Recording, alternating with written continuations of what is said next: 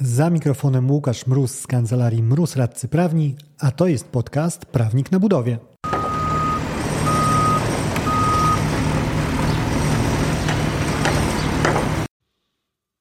Ten odcinek to fragment webinaru, który poprowadziłem dotyczącego odstąpień od umowy o roboty budowlane.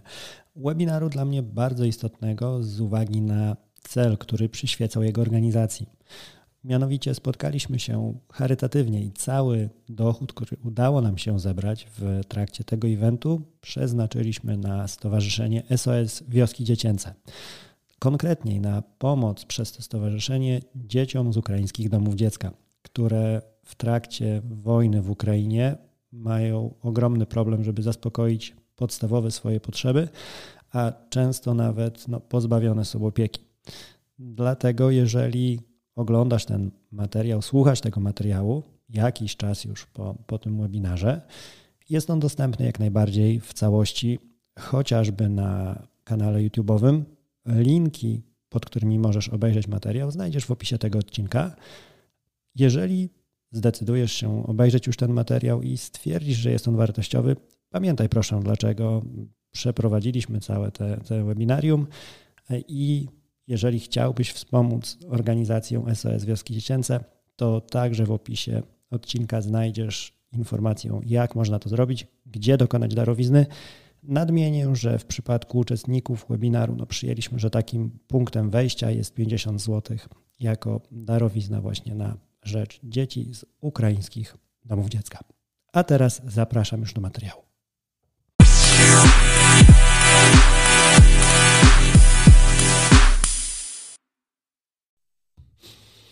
Czyste rączki.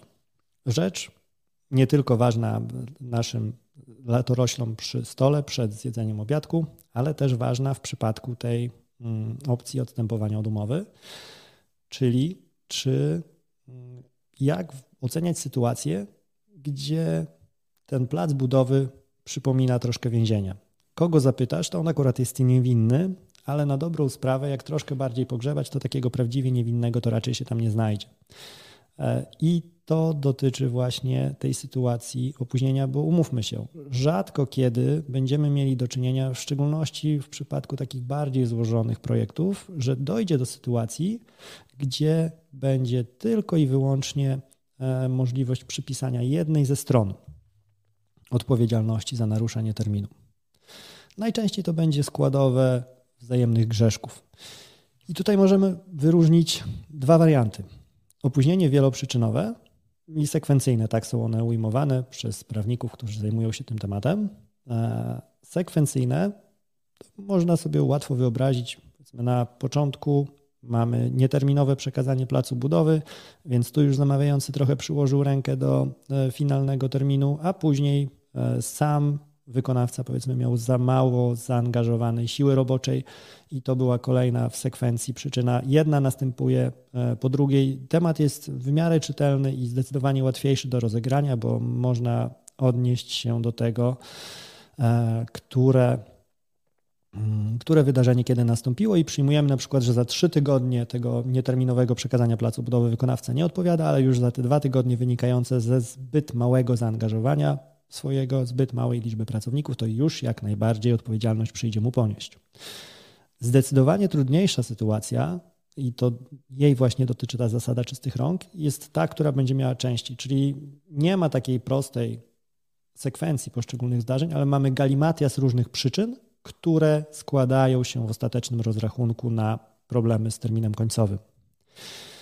I e, tutaj jeżeli chodzi o to, jak podchodzą do tego sądy, no to z perspektywy wykonawcy niestety, ale często usłyszy on, że zwolnić się będzie mógł e, z odpowiedzialności, zamknie drogę inwestorowi zamawiającemu do odstąpienia, jeżeli to tylko po stronie zamawiającego będą te przyczyny. Czyli jeżeli sam wykonawca będzie miał czyste ręce, mm, wtedy będzie mógł powiedzieć, że nie ma szans, żeby poszło to odstąpienie, a jeżeli już mamy dwóch winnych, no to wtedy trzeba niestety z perspektywy wykonawcy godzić się z tym, że sam też przyłożyłeś rękę do tej nieterminowości, więc też będziesz musiał ponieść tego konsekwencje. Postuluje się wprawdzie, żeby przyjmować, która tam z przyczyn była cięższa gatunkowo, ale patrząc na praktykę sądów, no to cóż, czasem chwyci, ale w dużej liczbie przypadków trzeba godzić się z tym, że nieszczególnie. Rzecz też ważna z perspektywy e, wykonawców sądy e, apelacyjne to bodajże był Lublin z tych wymienionych wyroków przy proporcjach, mocium panie, popełnił taką myśl, która pięknie mi się e, podobała, że sąd według swojego doświadczenia wie, że inwestycje duże, szczególnie infrastrukturalne, z reguły po prostu nie są kończone w zakładanych terminach. Popełnił to w sytuacji takiego sporu, gdzie zamawiający od umowy odstąpił już na dużym zaawansowaniu. I mimo, że przepis nie wskazuje tak naprawdę, mm, do jakiego momentu zaawansowania może sobie zamawiający skasować współpracę, to sąd podkreślił, no, że dobra, słuchajcie, to odstąpienie to ostateczność. Mm, to była konkretnie inwestycja drogowa, bodajże generalnej dyrekcji, i tam sąd mocno się rozpisał nad sensem takim, nad sensownością działań inwestora i powiedział, że drogi zamawiający, ty na dobrą sprawę, e, w momencie, kiedy skasowałeś tą umowę, to tak, horyzont korzystania z tej drogi odsunął się bardzo daleko w czasie, więc e, lokalna społeczność ma już po plecach. Nie pojedzie tam sobie wygodnie. E, musisz teraz zrobić nowy przetarg, znaleźć kogoś, kto z pewnością policzy za to więcej. Może dojdziesz to regresem od wykonawcy, może nie, czas pokaże każdym razie, jak weźmie się to wszystko pod uwagę, to przecież tak, ty masz kary umowne zastrzeżone w umowie, więc dlaczego nie skorzystałeś z tego? Mnie jako sąd bardziej przekonuje, żebyś po prostu zrobił kalkulację tych kar, wrzucił ją na wykonawcę, ale da, dał mu skończyć tą robotę bez odstępowania i pozwolił mu na to, żeby e, dał odbiorcom finalnym efekt tych prac, które, z którego mogą korzystać, a ty swój interes zaspokoisz karami. E, ta myśl powtarza się w orzecznictwie dość regularnie, co mnie osobiście cieszy, mnie to przekonuje, e, żebyśmy rozmawiali o proporcjonalnych rozwiązaniach, a nie strzelania, no, o strzelaniu z wróbla do, z wróbla do armaty strzelić można, ale łatwiej byłoby pewnie z armaty do wróbla. E, rzecz ważna, tutaj sam przepis odnosi się do startu i wykończenia robót, czyli start-finish, E, nie stoi natomiast nic na, przeszko na przeszkodzie, jeżeli strony sobie chcą, e, żeby wpisywały e, również terminy poszczególnych etapów. Kamienie milowe, etapy, jakkolwiek, jakąkolwiek nomenklaturą będziemy się posługiwali w danej umowie. Z tym, że no tu już trzeba o to zadbać i zapisać sobie taką możliwość, żeby chwycić to mogło, a polecam zapisać, ponieważ e, zwróćcie uwagę, że jeżeli mówimy o prawdopodobieństwie w kontekście zakończenia całej inwestycji w terminie końcowym, to im dalej jesteśmy od tego terminu, tym trudniej realnie to prawdopodobieństwo, prawdopodobieństwo ocenić. Z perspektywy inwestora, tym trudniej będzie bronić stanowiska o tym, że odstąpienie takie było skuteczne.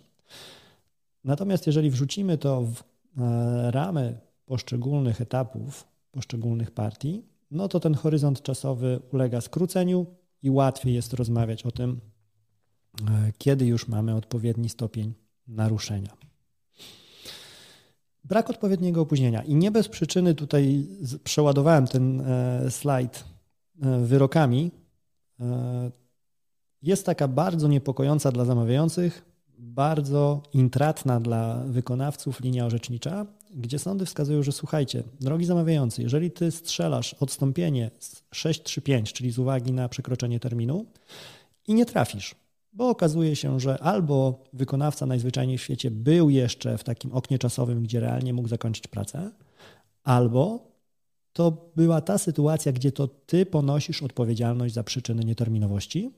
W takim kontekście e, ty odstąpisz od umowy. Ok, ale nie zrobisz tego z artykułu 635, a zrobisz z artykułu 640 kodeksu cywilnego. A on ma o tyle ogromnie inne znaczenie, że on przewiduje, że zamawiający może sobie właściwie od umowy od roboty budowlane odstąpić w każdym czasie. To on jest tutaj gospodarzem tej inwestycji, jeżeli stwierdzi, że koniec, to koniec.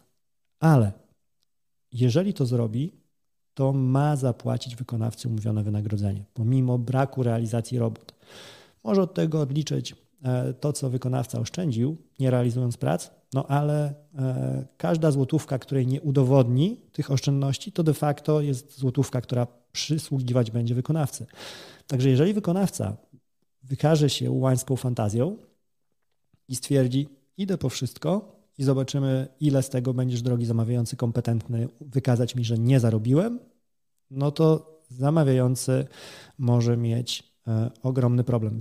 Rzecz ta jest ogromnie e, dużym ryzykiem e, z perspektywy zamawiającego i nie ukrywam, że zdarzyło, czy może inaczej, Wykorzystujemy ten argument regularnie w sporach i zdarzyło się, że odniósł właśnie taki zbawienny wpływ na możliwości negocjacji, kiedy się pokazało zamawiającemu, jak duże ryzyko ponosi, jeżeli przestrzeli. I e, z kolei wchodząc w drugą stronę, e, jest, ja osobiście mam jeden duży problem z tym stanowiskiem, e, ponieważ ono przyjmuje, że sądy przyjmują w nich, że wykona, zamawiający dał wyraźnie wolę, że chce zerwać współpracę. No ale bądźmy szczerzy, gdyby zamawiający miał pełną świadomość, że on nie zrywa tej współpracy przez nieterminowość wykonawcy i pewnie jeszcze będzie próbował mu tam naliczyć karę umowną za odstąpienie, tylko to zamawiający będzie miał zapłacić wykonawcy i to jeszcze duże pieniądze, bo tam kara umowna powiedzmy za odstąpienie niesłuszne może być nieprzewidziana, no ale mm, jest jak najbardziej tutaj e, opcja tej zapłaty wynagrodzenia pomimo niewykonania robót. W takim kontekście no, ciężko zakładać, że racjonalnie działający zamawiający parłby z całej, z całej siły, z całą stanowczością do tego odstąpienia. I to z kolei e, bardzo fajnie wyraził Sąd Okręgowy w Warszawie w jednym z swoich wyroków, właśnie, że trzeba oceniać, czy w kontekście danej sytuacji zamawiającemu można by przypisać taką wolę, żeby zrywał współpracę za wszelką cenę. Ale e, ten obszerny nawias, który tutaj Państwo widzicie, a jeżeli słuchacie w formie podcastowej, to nie widzicie, ale możecie mi zaufać na słowo, że są tu cztery czy pięć nawet linijek wyroków sądów z ostatnich lat, łącznie z Sądem Najwyższym, e, pokazują, że ta linia ma się naprawdę nieźle i jest e, no, ogromnym polem ryzyka dla zamawiającego.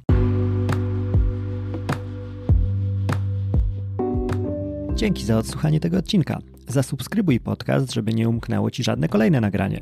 Znajdziesz go w Spotify, Google Podcasts czy Apple Podcasts. Jeżeli natomiast chciałbyś się skontaktować ze mną, napisz na biuromałpa kancelariamroz.pl. Znajdziesz mnie też w mediach społecznościowych. Na LinkedIn wpisując w wyszukiwarce Łukasz Mróz, a w Facebooku czy na Instagramie wpisując Prawnik na budowie. Do usłyszenia w kolejnym odcinku. Dzięki za odsłuchanie tego odcinka. Jeżeli chcesz się ze mną skontaktować, możesz napisać na biuro małpa albo zadzwonić na 577 665 077. Znajdziesz mnie też w mediach społecznościowych. Na LinkedIn jako Łukasz Mróz, a na TikToku, Facebooku i Instagramie jako Prawnik na Budowie.